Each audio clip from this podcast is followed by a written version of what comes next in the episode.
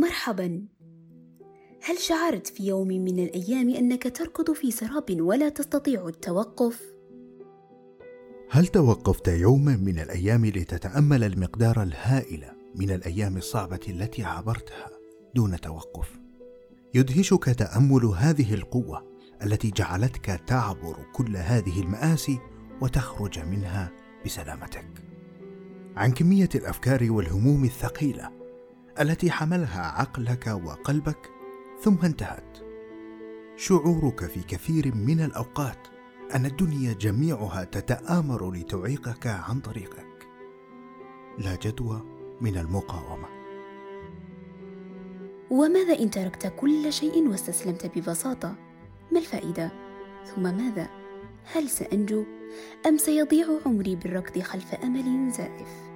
هل سأجري خلف نهايات غير حقيقية مثالية؟ لا تحدث إلا بالروايات. هل أتشبث أم أفلت أحلامي من يدي؟ وماذا إن أفلتها؟ ماذا سأجني من هواني؟ يخيفك الندم. هل ما يدفعك هي الرغبة حقا أم الخوف من السقوط في القاع؟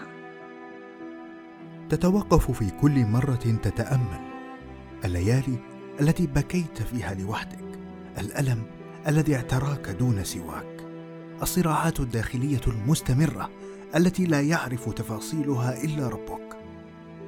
الضغط الهائل والمستمر والحروب الطاحنة في صدرك.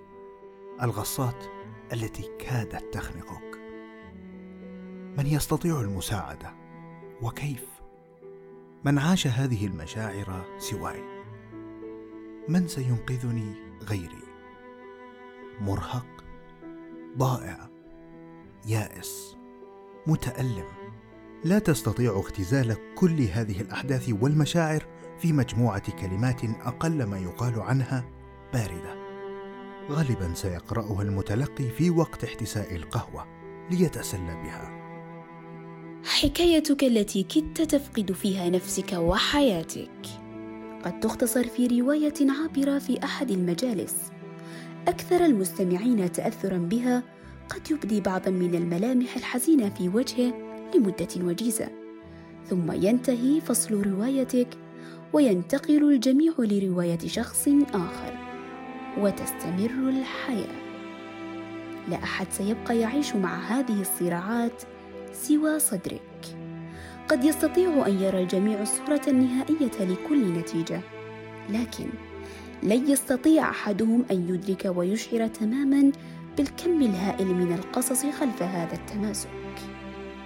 الصبر العظيم الذي بذلته الدموع التي احتضنتها وسادتك المسكينة السهر والإرهاق الذي لم يشعر به سوى جسدك المتعب اذا لماذا تهتم برأي الجميع؟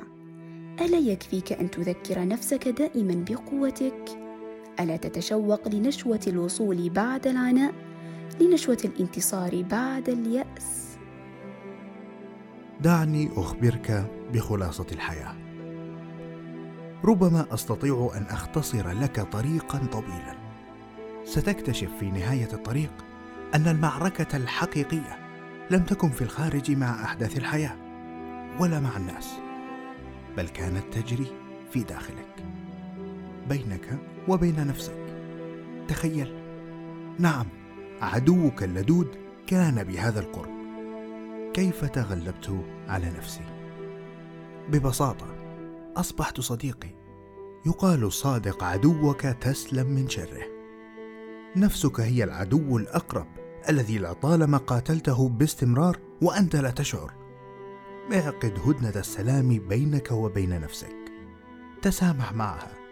لا تكثر اللوم ولا العتاب عليها. افهمها. لا تتعامل معها بقسوة. ثق. بها كثيرا. إيمانك بها هو ما سيمهد لك الطريق ويفتح لك ابوابا لا متناهية من السعادة. أنت لا تعرف قدراتها الكامنة حتى تجرب حتى تغامر حتى تكتشفها. ستذهل من قدرات وقوة بداخلك لم تكن تعلم بوجودها حتى. لا بأس ستسقط مرة مرتين وثلاثة ستتكالب عليك التحديات والمصائب لا بد أن تذيقك الحياة مرارة كأس الفشل يوما ما لابد أن تتعثر في الكثير من الأقدار المؤلمة اعلم أن السقوط مؤذي بل وتكراره محبط لكن مهلا هل تأملت يوما طفلا صغيرا يتعلم المشي؟ هل لاحظت خطواته المترددة بالبداية؟ سقوطه مرارا وتكرارا حتى يتعلم أخيرا المشي بلا سقوط. جميعنا هذا الطفل باختلاف الزمان والطريقة والمكان جميعنا نكبر مع التجارب مع العثرات نتعلم ونصبح أقوى من ذي قبل. لن يستطيع أحد منا أن يصل لأحلامه حتى يكون ذو إرادة كإرادة الطفل الذي لم يأبه بكمية السقطات وواصل المحاولة. حتى أتقن السير بسهولة واستطاع الجري أيضا. ختاما.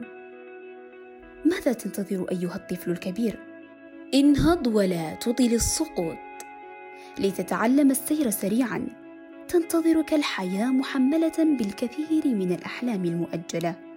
قد يكون الطريق شاقا بل وطويلا جدا لكن صدقني لذة الوصول تستحق العناء.